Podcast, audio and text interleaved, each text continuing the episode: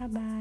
Kembali lagi bersama saya Valina Adriani di podcast saya episode 2 Episode kali ini kita akan membahas tentang 5 pendekatan strategi nasional dan juga pengaruh kelima pendekatan tersebut terhadap integrasi nasional Nah, sebelum masuk kepada topik bahasan, apa kalian tahu apa yang dimaksud dengan integrasi nasional?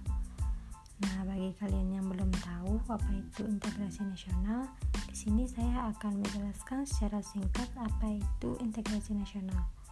Integrasi nasional secara umum yaitu suatu upaya untuk mempersatukan atau menggabungkan berbagai perbedaan pada kelompok budaya atau kelompok sosial. Nah, bagaimana teman-teman? Kalian sudah tahu kan apa itu integritas nasional? Selanjutnya di sini saya akan menjelaskan atau membahas strategi dari integrasi nasional. Strategi integritas nasional terdapat lima strategi, yaitu yang pertama adanya ancaman dari luar. Kalian tahu nggak kenapa ancaman dari luar termasuk sebagai strategi integrasi nasional? Hal ini karena dengan adanya ancaman dari luar akan membuat seluruh masyarakat saling melindungi dari ancaman tersebut. Karena bagaimanapun, ancaman dari luar itu pasti ingin menghancurkan bangsa Indonesia dan masyarakat Indonesia tidak ingin hal itu terjadi. Maka dari itu, hal yang membuat eh, masyarakat Indonesia menjadi bersatu dan mengesampingkan hal-hal yang berbau perbedaan. Selanjutnya di sini ada gaya politik kepemimpinan. Ternyata gaya politik kepemimpinan juga termasuk loh dalam strategi dari integritas nasional. Hal itu dikarenakan seorang pemimpin memiliki kekuatan yang besar untuk mempengaruhi bawahannya. Nah, oleh karena itu, kepemimpinan politik sangat berpengaruh untuk menyatukan perbedaan-perbedaan yang terdapat pada masyarakat.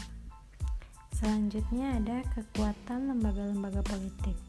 Karena lembaga politik tidak hanya mengatur hubungan antara kekuasaan dan wewenang dalam masyarakat, di sini lembaga politik juga harus dapat mementingkan kepentingan bersama, apalagi yang berhubungan dengan integritas nasional.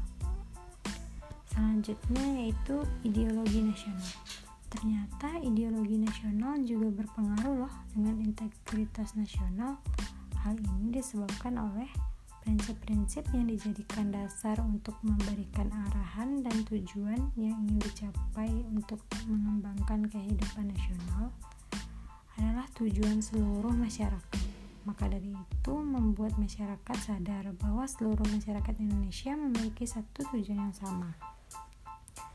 Selanjutnya ada kesempatan pembangunan ekonomi.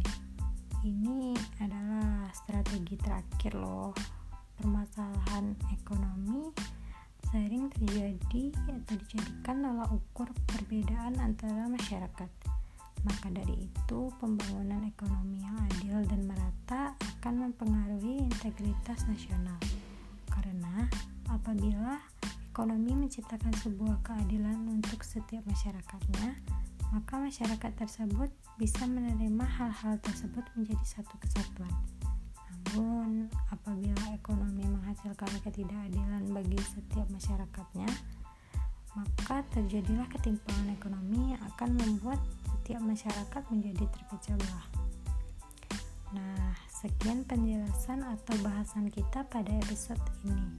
Semoga apa yang saya sampaikan dapat menambah ilmu teman-teman semua ya.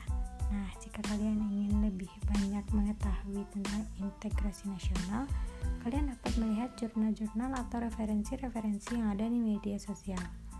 Baiklah, saya undur diri. Sampai ketemu di episode-episode selanjutnya.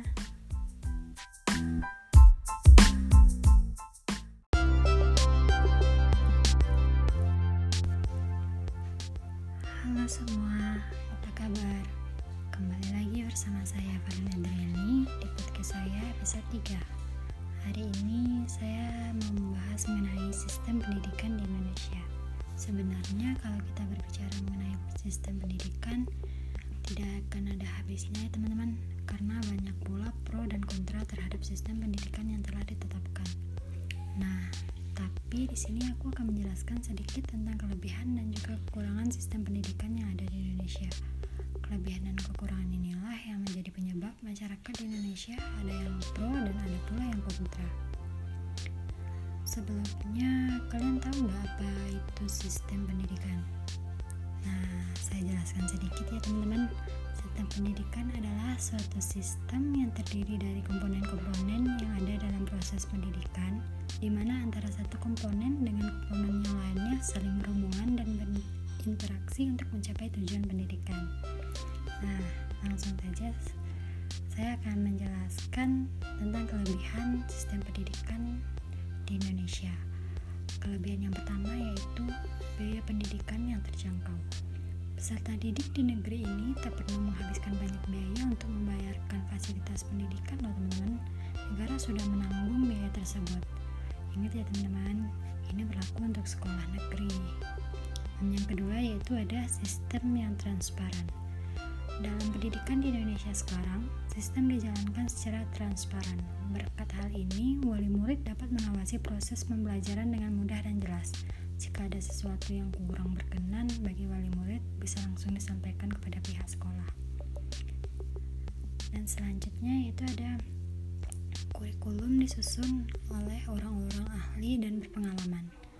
Dahulu, kurikulum hanya disusun oleh para ahli, namun sejak adanya kurikulum 2013, guru sebagai praktisi juga bisa terlibat dalam penyusunan kurikulum guru bisa menyampaikan ide-ide kreatif mereka yang tentunya akan lebih mengefisienkan pembelajaran.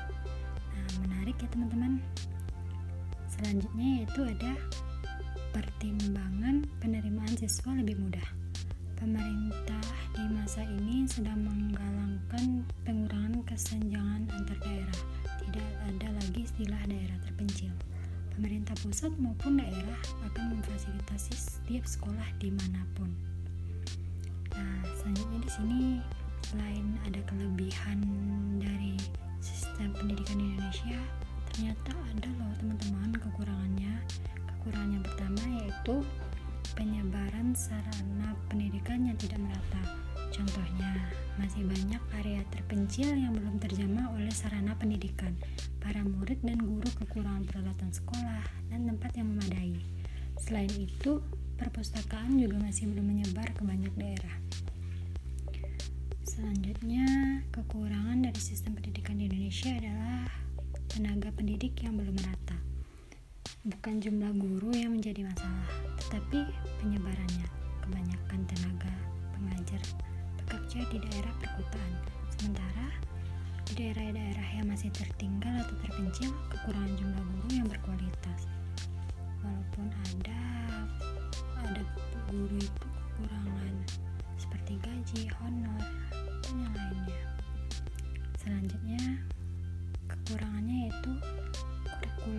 masih bersifat teoritis. Sejak awal, kurikulum Indonesia masih mengandalkan teori-teori saja. Ketika pelajaran menyelesaikan pendidikan, tidak ada banyak hal yang bisa mereka lakukan.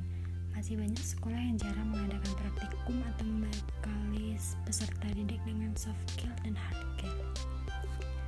Nah, sekian yang dapat saya sampaikan ya teman-teman. Semoga apa yang saya sampaikan ini dapat menambah ilmu teman-teman semua. Uh, see you in the next episode. Bye bye